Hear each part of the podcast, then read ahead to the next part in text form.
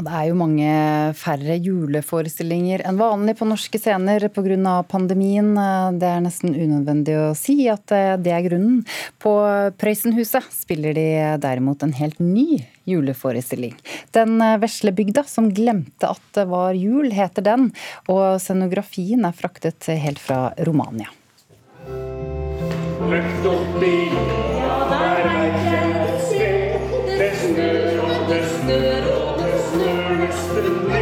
det er munter musikk og snø på scenen på Prøysenhuset i Ringsaker.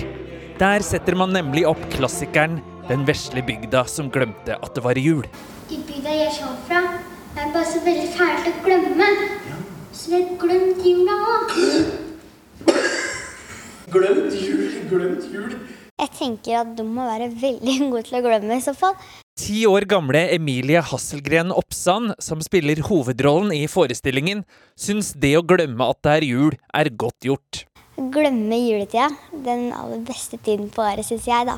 Veldig merkelig at hun klarer å glemme hele jula. Men selv om nordmenn neppe har glemt at det snart er jul, serveres mye mindre julestemning på norske scener i år enn vanlig pga. koronasituasjonen. Riksteatret, Nordland Teater og Den Norske Opera og Ballett er blant de mange som har avlyst forestillinger. Der bor noen eh, barn i bygda, og så er ordføreren sitt hus, juletreet. På Prøysenhuset er det derimot mye mer julestemning enn noensinne. De har fraktet hele scenografien fra filmen med samme navn, fra Romania til Ringsaker. Dette her, disse plankene, disse husa, de skal stå her til evig tid. Dette her er frakta langt og skal vare lenge. Her skal det være julemagi til evig tid. Sier kultursjef i Ringsaker Asle Bærteig. Han sier de skal sørge for at Prøysens univers aldri skal bli glemt, og tror Prøysen ville vært stolt av forestillingen. Jeg tror Alf Prøysen sitter og knegger og ler nå, og gleder seg over at vi viderefører den varmen han har i denne forestillingen, til dagens publikum. Så jeg er sikker på at han er glad. Alle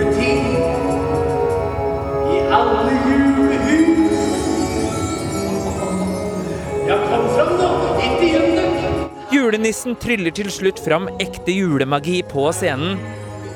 Og ti år gamle Emilie håper at folk tar til seg julestemningen. Jeg håper at publikum får en god følelse av jul, og bare glemmer alt annet som korona, og at det heller får tanker på julaften. Ja!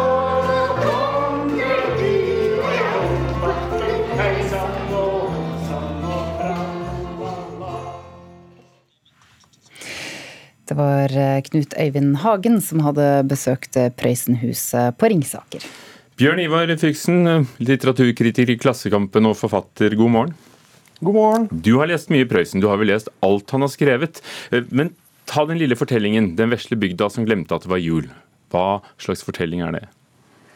Ja, Det er en ganske eh, enkel barnefortelling som, eh, som forteller om ei lita bygd som eh, har tendens til å glemme både det ene og det andre. Og det, er gjerne en viktig ting. altså De glemmer plutselig å, å spise hele bygda, og dermed alle blir liggende sjuke. Um, glemmer å ta på seg sko, det er vinterstid, det er kaldt uh, osv. Og, og så kommer den siste viktige da, som de, de glemmer, nemlig at det er jul. Dette er jo som sagt en barnefortelling som eh, den ser, ser, jo da verden fra et eh, barneperspektiv. og Dermed så blir jo det å glemme jula det er liksom like viktig som å glemme å spise, omtrent. da. Eh, men du er blant dem som sørger for at vi ikke glemmer Prøysen, og har akkurat gitt ut boken 'Allmuens opera', om tross til taklampa og litterære klasseskiller i Alf Prøysens forfatterskap. Alf Prøysen, var han en fremmed fugl?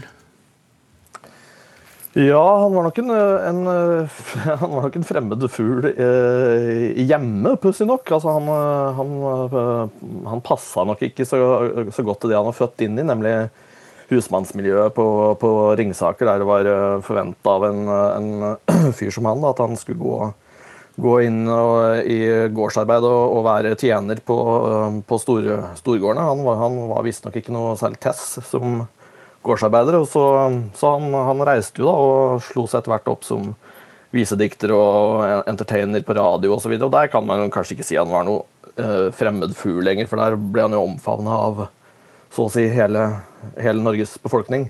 Men når du skriver om klasseskillene, så mener du jo at det er noe han viser frem. Uh, og hva var det han uh, påpekte? Altså, Nesten alt han skrev, uh, uh, handla jo om dette husmannsmiljøet som han sjøl stamma fra. da. Uh, så, så, så det uh, utrolig skarpe klasseskillet mellom storbøndene på Ringsaker og, og, og husmannsmiljøet, det, det, ligger som et bakteppe for ja, så å si alt han alt han skrev. Så, så det, det, det, klasseskillet mener jeg er, er liksom grunnleggende for å forstå uh, hvordan uh, personene i forfatterskapet hans oppfører seg mot hverandre. Og det er noe av det de som drar til Prøysenhuset kan se med egne øyne. Den lille husmannsplassen for Prøysenhuset ligger bare rett uh, oppi veien for husmannsplassen.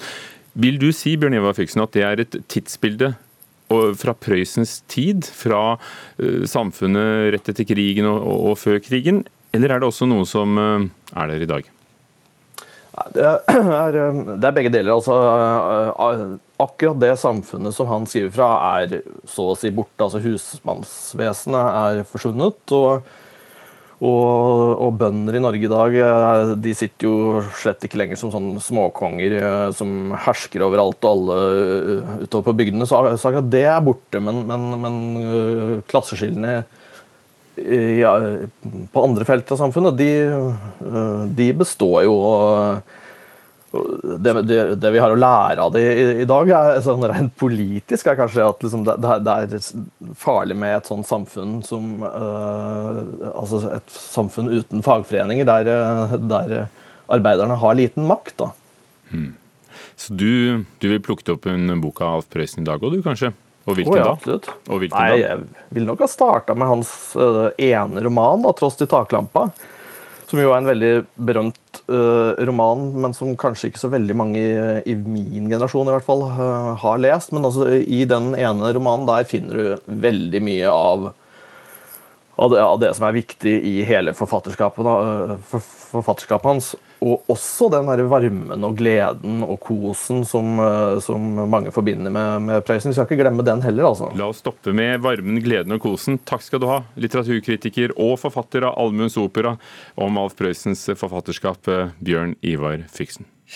Nå til ikke så koselige historier om folk med afrikanske aner som får høre at de ikke får møte på jobb med afro og blir diskriminert pga. det naturlige håret deres. Det har noen i Storbritannia tenkt å gjøre noe med. Hva er planene deres, kulturreporter Emily Louisa Milaneide? Nye retningslinjer skal sørge for at arbeidsplasser og skoler skal beskytte de som har afrohår, eh, samt de ikke blir diskriminert pga. frisyra si og teksturen på håret. Og De kaller det The Halo Code. Det er en gruppe med unge svarte aktivister som har utforma disse reglene, og de har alle opplevd å bli diskriminert eh, pga. det naturlige håret sitt. Og Målet deres er at vi skal ha en framtid uten diskriminering pga. hår. Så hvordan eh, ser disse retningslinjene ut? The Halo Code skal beskytte studenter og ansatte som kommer på jobb og skole med sitt naturlige hår. Den beskytter alle frisyrer som er tilknyttet rase, etnisitet og kulturell identitet. Og den skal gi dem friheter til å komme på jobb med alle naturlige frisyrer, dømes afro, rastaflette, men også hijab. Morselskapet til Dove, det store selskapet Unilever, er den første arbeidsgiveren som eh, innfører retningslinjene. Eh, og som nå lover å beskytte arbeidstakerne sine eh, som har for år. Flere skoler og andre arbeidsplasser skal også følge etter. Det høres ut som et litt sånn britisk fenomen, dette med at det er så strengt akkurat hvordan man ser ut f.eks. når man går på skolen. Eh, kan du fortelle hvorfor dette er nødvendig? Å diskriminere folk pga. håret det har vært ulovlig i Storbritannia siden 2010. Men likevel så har 58% av svarte studenter opplevd å bli kalt navn eller fått ubehagelige spørsmål om håret sitt på skolen. En av fem svarte kvinner føler seg pressa til å rette ut håret før de skal på jobb. Og Det viser at Storbritannia fremdeles har en vei å gå. Over hele verden så kjemper nå eh, folk med afrikanske aner for å ta tilbake krøllene sine og det naturlige håret. Og Det blir spennende å se om vi også får noen lignende retningslinjer i Norge. Takk, kulturreporter Emily Louisa Millan Eide. The Halo Code kunne vært oversatt til hva da? Til glorie, gloriebanden? Gloriereglene? Ja. Eh, vet du hva som er årets mest sette film i hele verden? The 800. For du visste det, fordi eh, det står noen steder. Eh, og den kommer ikke fra Hollywood, ikke fra Bollywood heller, men fra Kina. De 800, The 800. Det er blitt så stor suksess i hjemlandet at den eh, også da, fordi Kina er et stort land, topper salgslistene på verdensbasis. Birger Vestmo har sett den. 我们不止息在这里抵抗异美人，我们现在给他们看，中国人还在。 Alle land forteller sine mer eller mindre nasjonalistiske krigshistorier på film, inkludert Norge. Men få er i stand til å måle seg med kineserne i skala, intensitet og pompøsitet. The 800 er nemlig en enorm produksjon, der det ikke spares på noe, verken kuler, krutt, blodsprut eller sterke følelser. Filmen har blitt en gedigen suksess i hjemlandet, og man kan lett forstå hvorfor. Intet øye er tørt når det kinesiske flagget heises, eller når folkets hender strekker seg ut mot deres tapre soldater. Regissør Hugoan viser god teft og store ambisjoner med sine utmattende krigsskildringer gjennom to og en halv time. The 800 bygger opp under drømmen om et sterkt og dominerende Kina, og fordømmer det unnfallende Vesten, men er òg en god film med imponerende slagscener og upåklagelig fremdrift. 这些民众也会作为种子去叫醒更多的人。 Japanese are incoming! Handlinga foregår i Shanghai i oktober 1937 under den andre kinesisk-japanske krigen. 800 kinesiske soldater holder stand mot overmakta i en stor lagerbygning ved ei elv, som òg er grensa til den internasjonale delen av byen. De har ordre om å holde ut i noen dager til, i håp om at deres kamp skal vekke oppmerksomhet og påvirke den internasjonale opinionen. De 800 er imidlertid omringa av flere tusen japanske soldater med langt bedre utstyr og større slagkraft, og må stå imot bølge etter bølge av angrep, bokstavelig talt både til lands, til vanns og i lufta.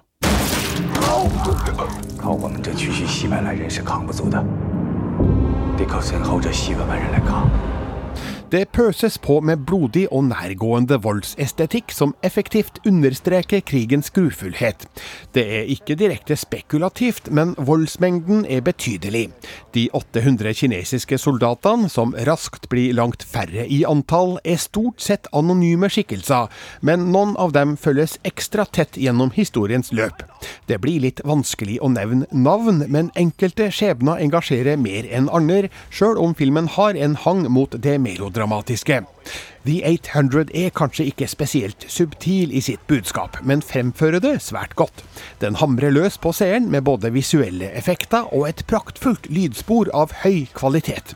Det her er en storslagen krigsfilm med noe på hjertet, og det kan man ikke stille seg likegyldig til. Terningkast fem. For de 800, The 800, som Birger Vestmo hadde sett. NRK.no anmeldelser er siden på internett hvor du finner alle anmeldelsene som NRK lager. Litteratur, TV-serier, spill, musikk, hva det skulle være.